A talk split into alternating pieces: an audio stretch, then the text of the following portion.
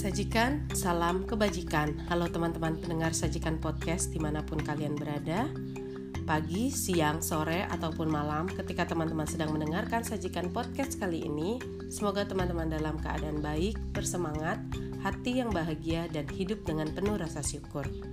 Kali ini saya akan menceritakan satu buah narasi ilustrasi yang berjudul Saudagar yang Tamak Lagi Kikir.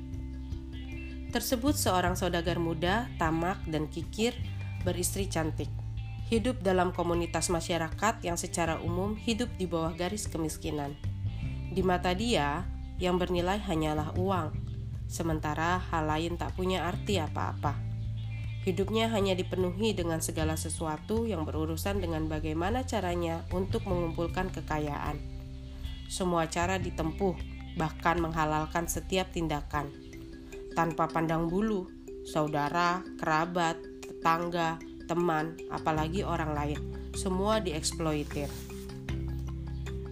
Dia sama sekali tidak mengenal apa yang disebut kemanusiaan, berderma sosial, menolong sesama, jauh dari kamus hidupnya.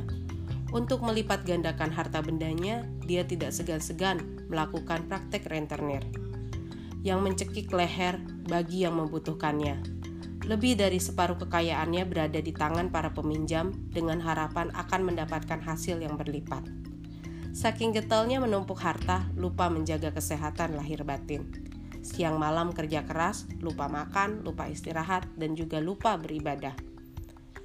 Hal ini menjadikan lambat laun raganya makin lemah dan jiwanya makin kering. Dan akhirnya, seperti yang dapat kita duga, saudagar yang tak yang tak amak lagi kikir itu menjadi penghuni liang kubur alias meninggal dunia. Kemudian apa yang terjadi? Seperti yang sudah diceritakan, lebih dari separuh kekayaannya berada di tangan para peminjam, yang tentunya dengan kematian saudagar tersebut menjadi lunas. Dan istrinya yang muda juga cantik menjadi janda kembang kaya yang tak lama kemudian menikah lagi. Alhasil, sisa kekayaan saudagar tersebut yang menikmati adalah si janda dengan suami barunya. Di dalam Tasyes 10 pasal 19 tertulis, mengurus harta pun ada jalan sucinya. Di dalam Luni 14 pasal 12, bila mana melihat keuntungan ingat akan kebenaran. Selanjutnya di dalam Luni 4 pasal 12, seorang yang hanya mengejar keuntungan saja niscaya banyak yang menyesalkan.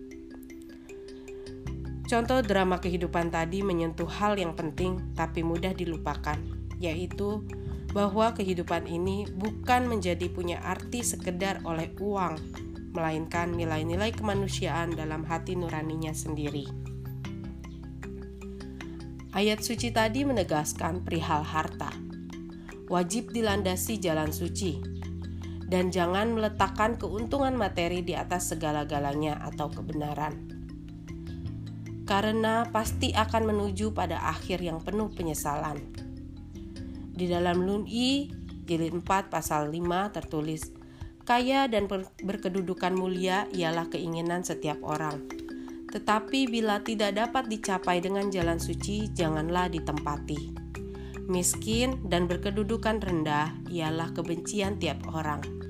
Tetapi bila tidak dapat disingkiri dengan jalan suci, janganlah ditinggalkan.